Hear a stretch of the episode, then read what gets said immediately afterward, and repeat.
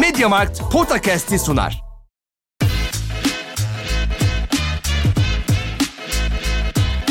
Potakast. Kaan Kural ve Orkun Çolakoğlu'yla NBA gündemine haftalık bir bakış.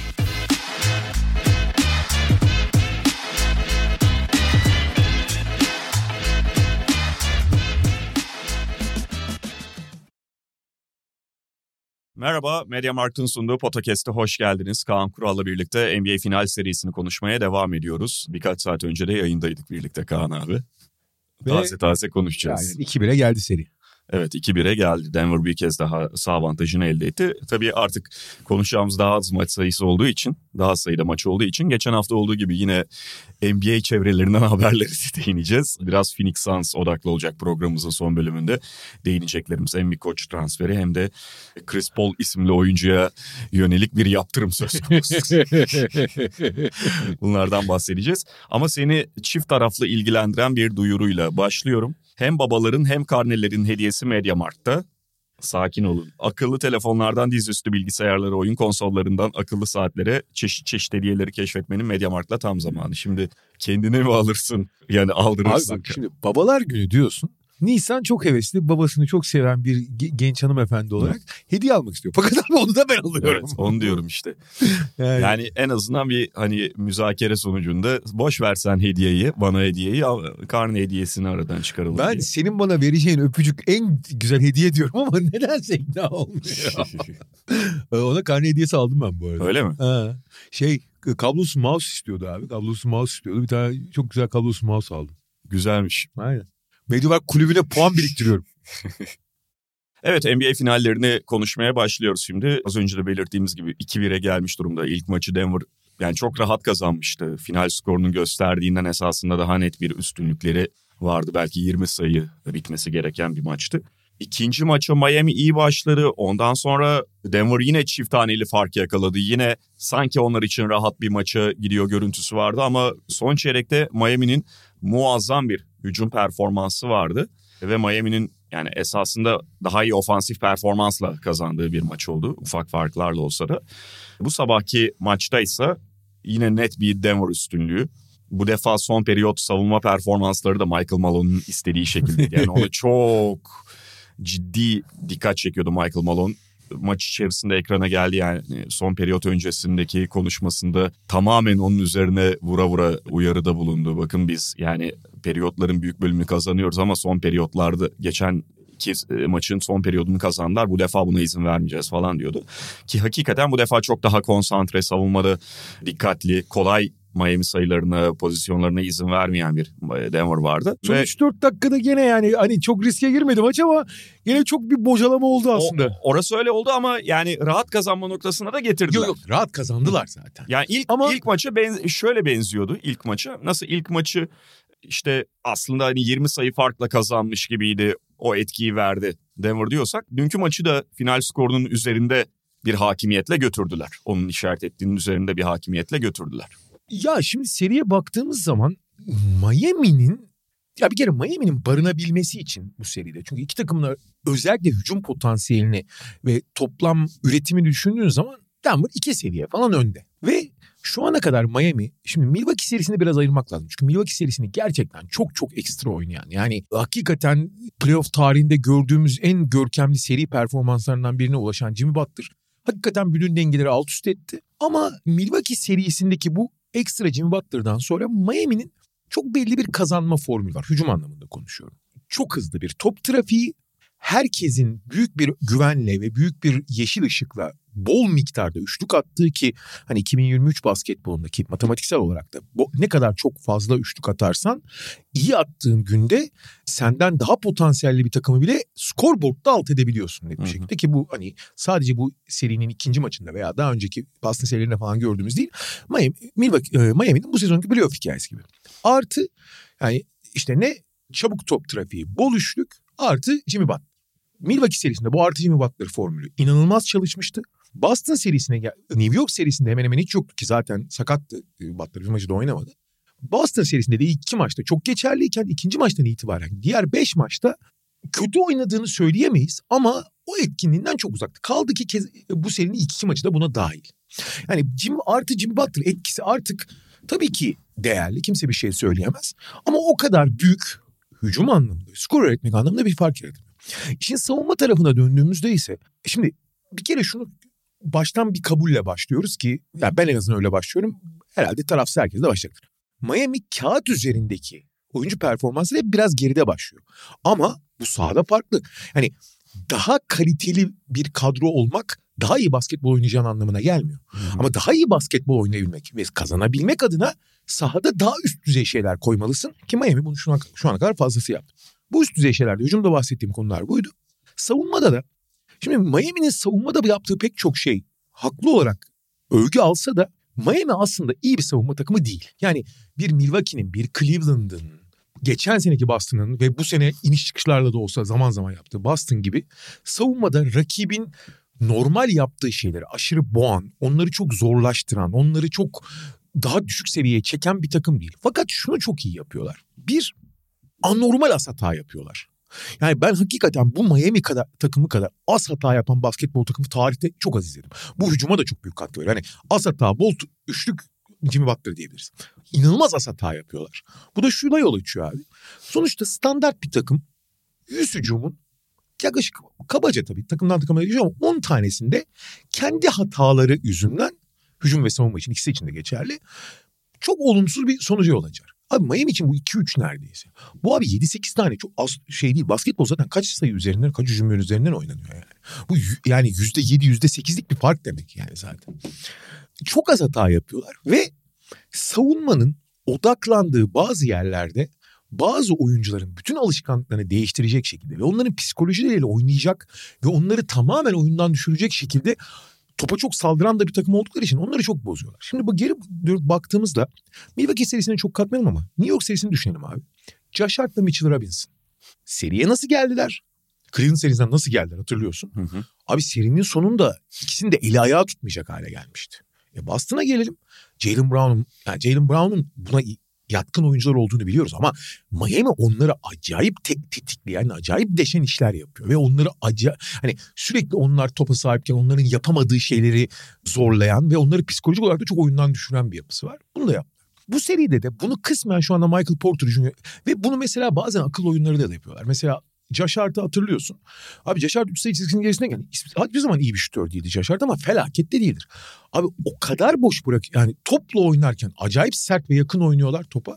Ama top 3 sayı çizginin gerisine at abi senden mi korkacağız yapıp yani bir tane kaçırdığı zaman da kendisinden şüphe duymasını sağlar ki Jalen Brown'u yaptıkları çok çok daha acımasızca yani. ve Michael Porter Jr.'a bu seride bunu kısmen başardılar ve onu hakikaten kendisini sorgulayan, sağda hayalet gibi dolaşmasına yol açan. Üçüncü maçta 22 dakika oynamış Michael Porter Jr. Maçı seyreden birine Michael Porter Jr. 6 dakika oynadı desen kesinlikle itiraz etmezdi ona. Yani. Hayalet gibi dolaştı sahada. Ki bu adam bu takımın teorik olarak hücum anlamında üçüncü parçası. Fakat bütün bunlar iyi, güzel. Miami'nin ya işte fiziğinden çok daha büyük oynamaya çalışıyor. Atlanta maçında reboundlarda ezilmişlerdi ama onu yaşamıyorlar falan.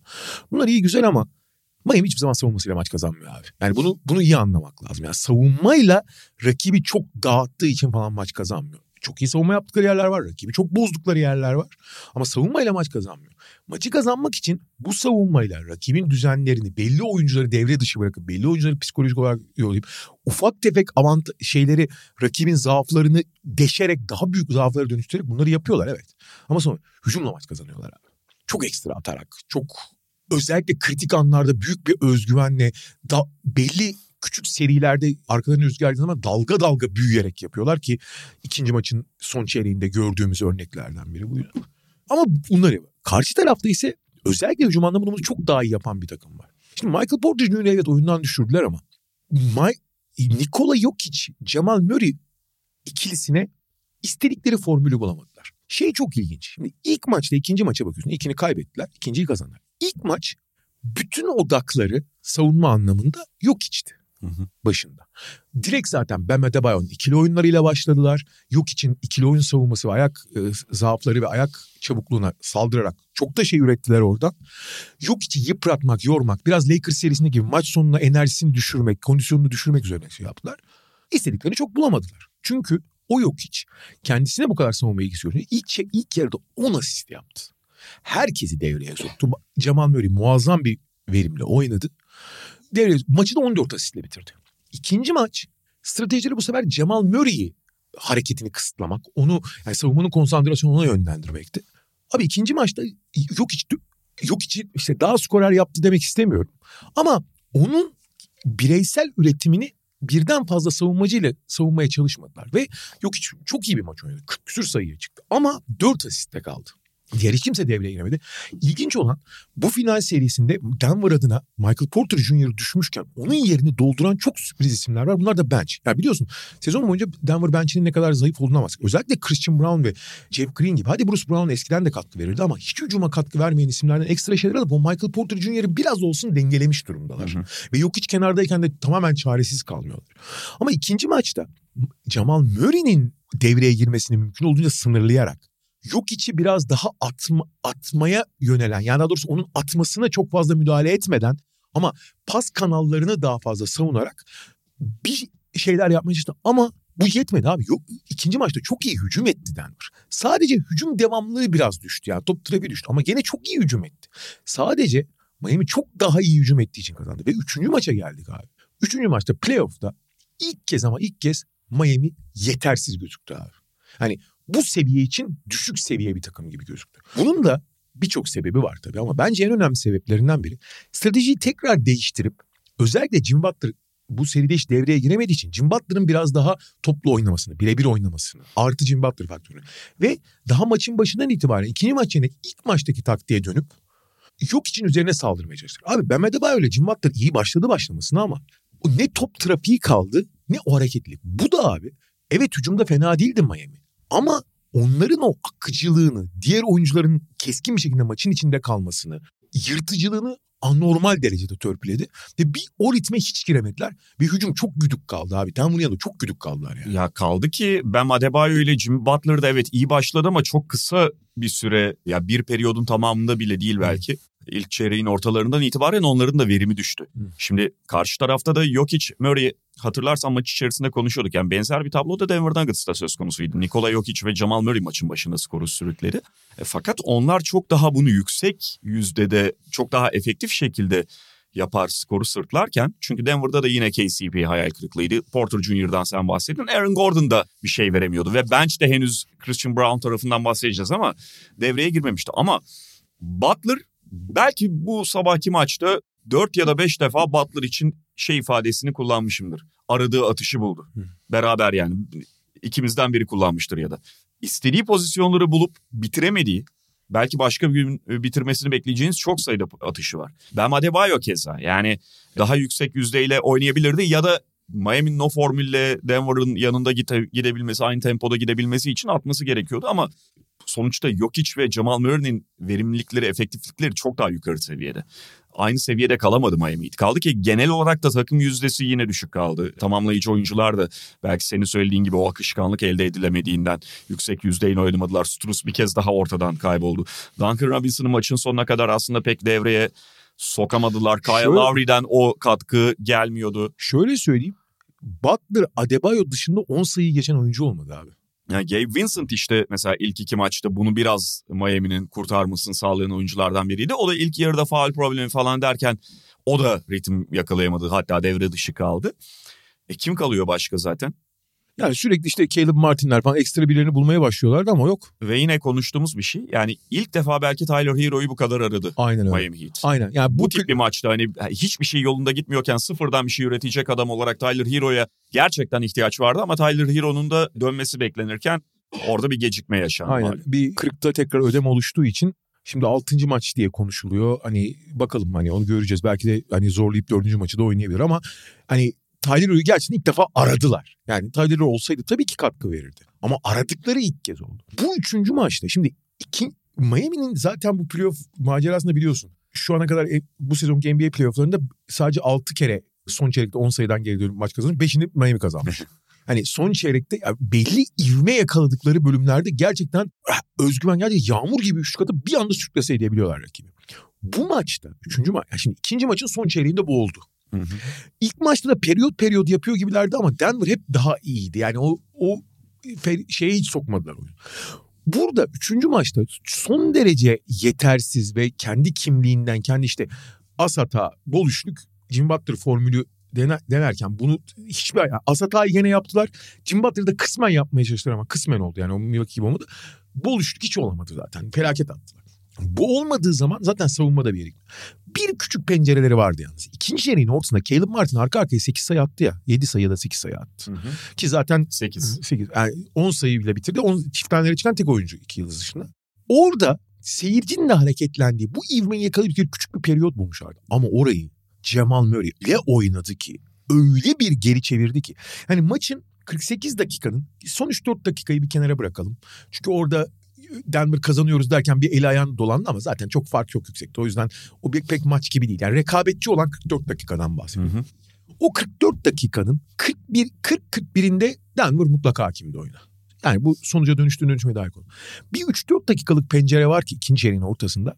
Miami'nin oyun üstünlüğünü ele aldığı tek bölüm. Fakat oyun üstünlüğünü skorboarda yansıtmak çok kolay bir şey değil. Ve genelde Miami'nin en iyi yaptığı şeylerden biri rakip oyun konusunda üstünken bir şekilde skorda yakın kalmayı başarıyorlar. Bütün playoff hikayeleri o.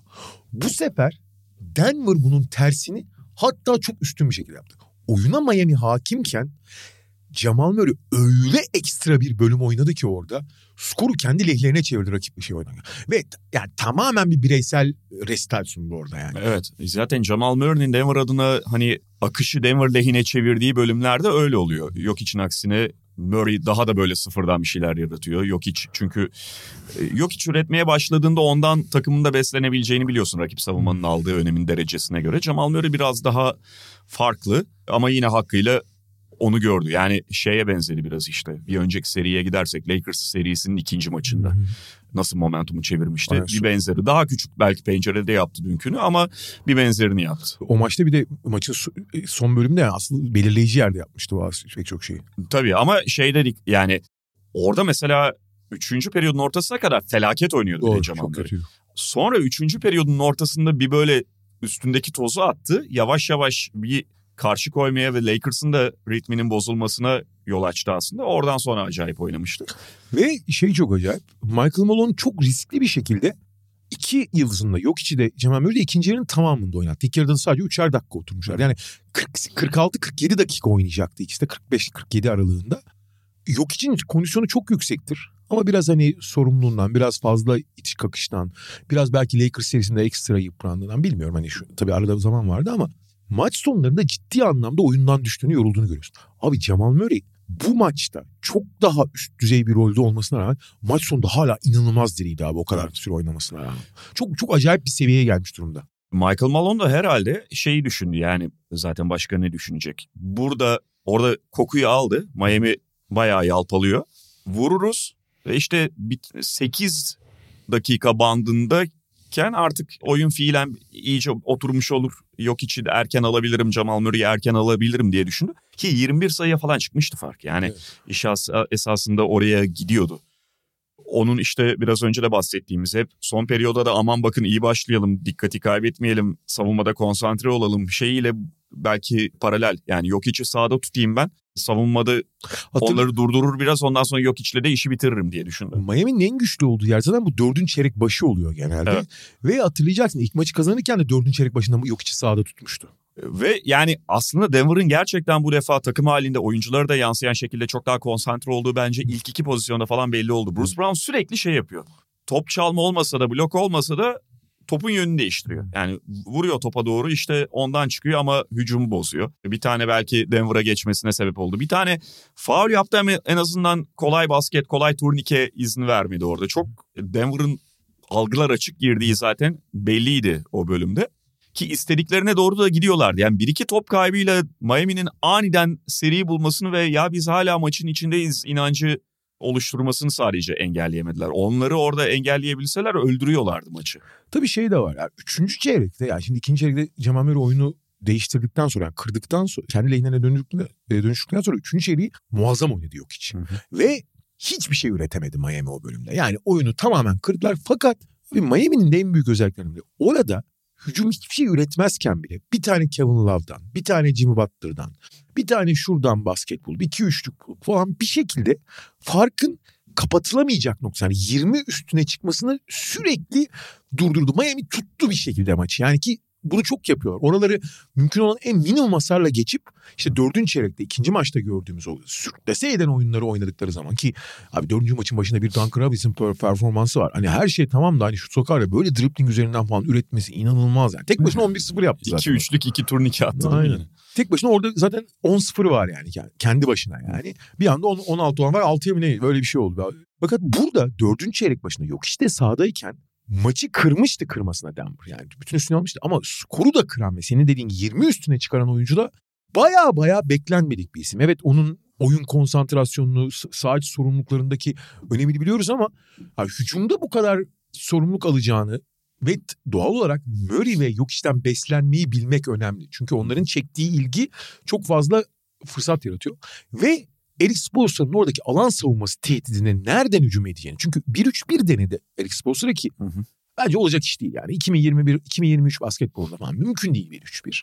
Abi her dip çizgiden kat ettiğinde bomboş potayı eklemeye evet. başardı. Ve 8'de 7 isabetle 15 sayı geldi Christian Brown'dan. Ya işte Christian Brown örneği özellikle şeyi net hatırlatıyor. Yani Denver gibi takımların NCAA'den ve Avrupa'dan da olabilir de NCAA'den özellikle o yukarıya oynayan şampiyonluk maçına çıkmış ya da işte o tecrübeleri edinmiş, yakınlarına gelmiş oyuncuları yaşları biraz ilerlemiş olsa da alması çok değerli oluyor. Çünkü direkt oturabilecekleri roller var. Yani potansiyele gitmeyip biraz daha belki tavan açısından daha düşük gözüken fakat yıllarca senin takımında belli bir işi yapabilecek ve saçmalamayacak. Hı hı savunmada çok şey katacak. Bir de Brown çok kuvvetli falan bir oyuncu. Yani o anlamda da hazır olan oyuncuları almak gerçekten çok değerli ve Christian Brown bunun net bir örneği. Yani sahada zaten öyle bir görüntüsü var ki hiç bu oyuncu birinci senesinde çaylak falan dedirtmiyor. Sürekli tabii ki bu kadar skor katkısı veremeyebilir ama saçmalamaması önemli. Saçma e, ve düzenli olarak verdiği başka katkılar var Christian Brown'un.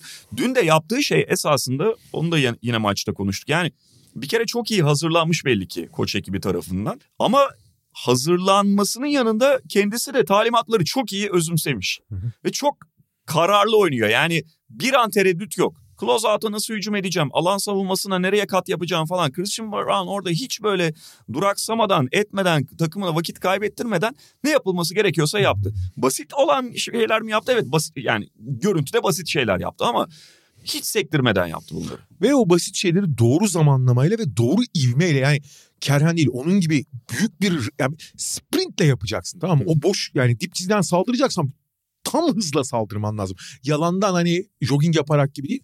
Oralarda falan Christian Brown'un hani oyun disiplinine falan güvenirsiniz zaten. Şimdi seriye baktığımız zaman Miami ilk ikinci maçta zaten muazzam şut attı. 19 üçlük mü atmışlardı? 18 üçlük attılar galiba. %46 isabet. Evet. Hatta 48 ile. 48 ile. Bu maç mesela çok kötü attı. Fakat 3 maçtır Şimdi Miami'nin playoff'ta şütörlerinin özgüven tazelemesiyle çok acayip bir yere geldiğini biliyoruz. Normal sezonun üzerine çıktığını. Fakat Denver cephesi aslında sezon boyunca ve playoff boyunca da harika şütörlerden çok iyi şut kullanan bir takım. Felaket şut atıyorlar. Abi 3 maçta da %30'da kaldılar ya. 30'un altında kaldılar yani. Bu maçta da daha maçın başından itibaren 3 sayı tabii ki hele 2023 basketbolunda önemli. Denver için de çok önemli. Fakat 3 sayıyı çok kafaya takmadan tamamen boyalı alanın saldıracağız. Ve fizik üstünlüğümüz yani Miami'nin biri tamam hani çok büyük bir çabayla vesaire onu kapatmaya çalışıyor ama Miami küçük bir takım abi. Hı hı. Ya bunu Atlanta maçında, play maçında görmüştük ki daha sonra bir, bir Boston maçında da gördük. Yani evet Miami bunu kontrollayacak pek çok doğru şey yapıyor. Topa saldırdığı için top kaybına zorluyor. Yani fizik kullanmaya çalışan takımları çok düzenli ki bu maçta da birkaç kere gördük. Hani fiziğini kullanmak için toplu oynarken topa biri saldırıp topu çalabiliyor ve o, o topu çalıp fast break atmak çok yıkıcı bir etki. Normal savunmadan daha yıkıcı bir etki yaratıyor. Ama bu maçta boyalı alanda ezip geçti Denver ya. Yani iki maçta da boyalı alanda belli bir üstünlük sağlamışlardı belli açılardan ama bu sefer yani net ezip geçtiler. Bir ara reboundlar 50'ye 25'ti abi. Evet. Tamam bu Miami'nin çok şut kaçırmasıyla da alakalı. Çok kolay savunma reboundları aldı. Ama sadece bu değil abi. Boyalı alanlarında 26 fazla sayı üretti abi. İkinci, ikinci yarıda özellikle şeye kadar son bölümde Bam Adebayo'nun üst üste reboundlar aldığı ve Michael Malone'un da sinirlenip mola aldığı bir bölüm var. Oraya kadar Miami'ye hücum reboundu vermiyorlardı. Tamamen e, yok içten başlayarak savunma reboundlarına el koydular. Yani kapattılar oradaki şeyi Yok işte musluğu. biraz, biraz Rivanti aldı galiba. Aldı ama yani destek de aldı ve musluğu tamamen kapattılar. Ama hücum reboundu da çok aldı orada Denver. Mesela Jamal Murray'nin sadece 2-3 tane hücum reboundu var. Ekstra ekstra şey yapıyorlar. E, Miami zaten hani çok durduramıyor. Durdurduğunda güç bela durduruyor. Boş döner, döner gibi olduğunda da hücum reboundu almak rakibi de çok kıran bir durum.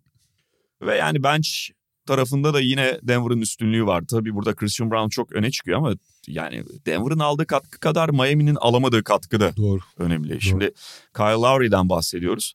Lowry'nin playoff içerisinde zaman zaman yine önemli performans gösterdiği maçlar da oldu ama bir şey yapamıyor. Ya şimdi bu Tyler örneğinden yola çıkarsak abi hücumda bazen hiçbir şey üretemediği için Miami Kyle Lowry'nin evet çok erozyona uğramış olabilir yetenekler ama bir şeyler üretebilmesine muhtaç kalıyorlar. Hı hı. Ve oradan hani iki tane şut soktuğu zaman bir iki tane işte numara yaptığı zaman bir tane iyi pick and oynadığı zaman falan hani ehvenişer bir şey çıkıyor. Hiçbir şeyden iyidir.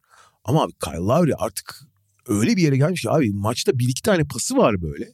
Hani çok az hata yapıyoruz diyor, diyoruz ya Miami. Abi Miami'de yani hiç kim, tüm takımın yaptığı toplam basit hatayı tek başına yapıyor abi. Evet. O da ihtiyaç duyduğun için mecbursun ama takımın üzerine kurulduğu temel felsefe olan minimum hatayı ciddi anlamda şey yapan, tersine çeviren bir faktör oluyor bir taraftan da. E, bir taraftan konferans finallerinin yıldızı Caleb Martin'i kaybetmiş gibiler. Hı. Yani e, hastalığın da belki etkisiyle tekrar zaten ilk 5'ten ilk 5'e onun yerine Kevin Love aldı falan Eric Spoelstra ve Martin'den de o katkıyı veremiyorlar. İşte ilk defa bir dakika, bir buçuk dakika gibi bir sürede o 8 sayı üretti. Sonrasında Sonra hiç- yine hiç ortada, ortada. yoktu. Hiç ortada yok. E, Dolayısıyla hani zaten Cody Zeller direkt Denver'ın üstüne saldırdığı bir oyuncu halinde.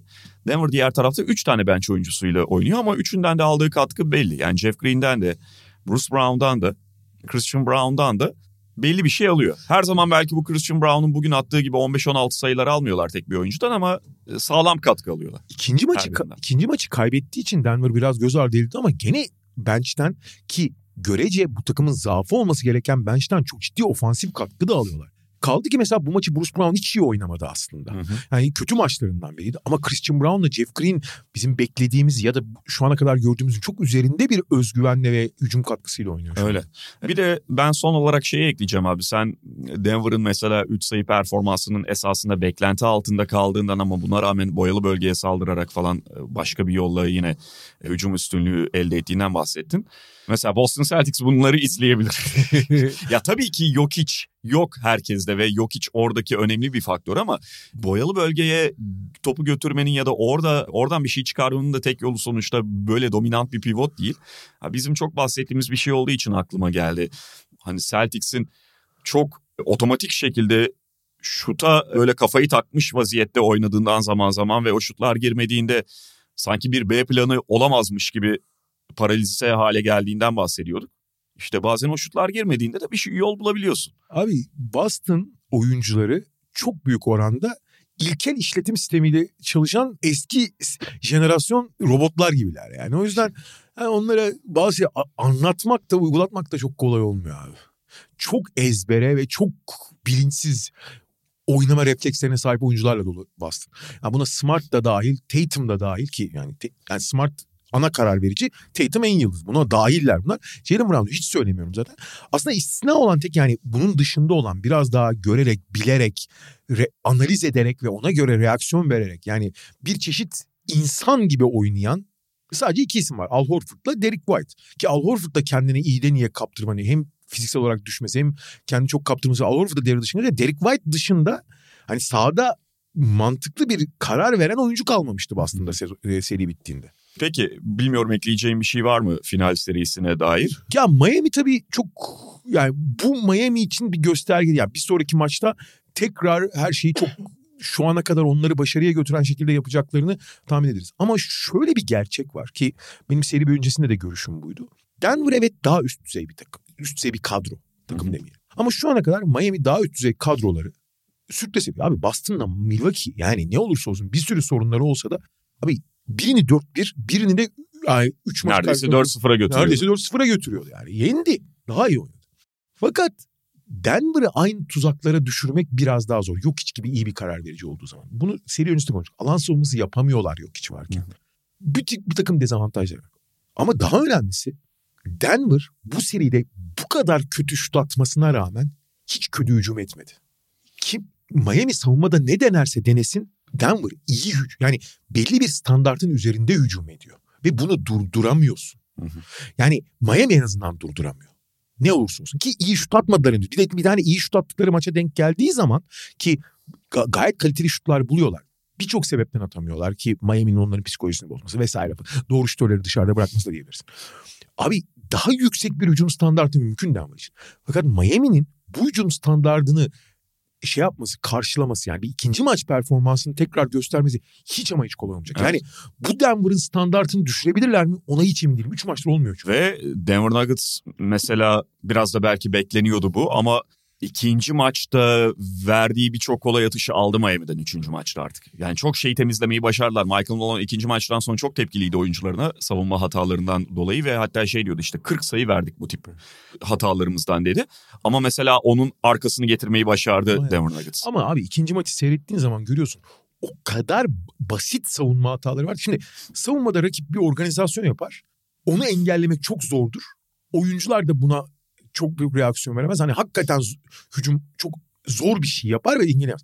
Abi çok basit kısadan kısaya perdede adam bö- bölüşemek gerekir. Yani kimin kime gideceği belli olmadığı için dünyanın en basit en temel ögesi bu ya. Hani abicim bu adamlar birbirine perde yapıyor sen ona gideceksin sen buna gideceksin. Bu kadar basit. Bunları çok büyük bunlarda çok akıl almaz hatalar yapmıştı ben bu ilk maçta. Peki istersen İkinci maçta pardon ilk maçta. istersen gündeme geçelim. Geçelim. diğer gündeme. Şimdi Phoenix Suns'ta hareketli bir hafta yaşandı. Onlar hem yeni koçlarını buldular hem sonrasında başka bir hamle asistan koç Kevin Young'la yeni bir kontratta anlaştılar ve dün de Chris Paul'u serbest bırakacakları haberi geldi.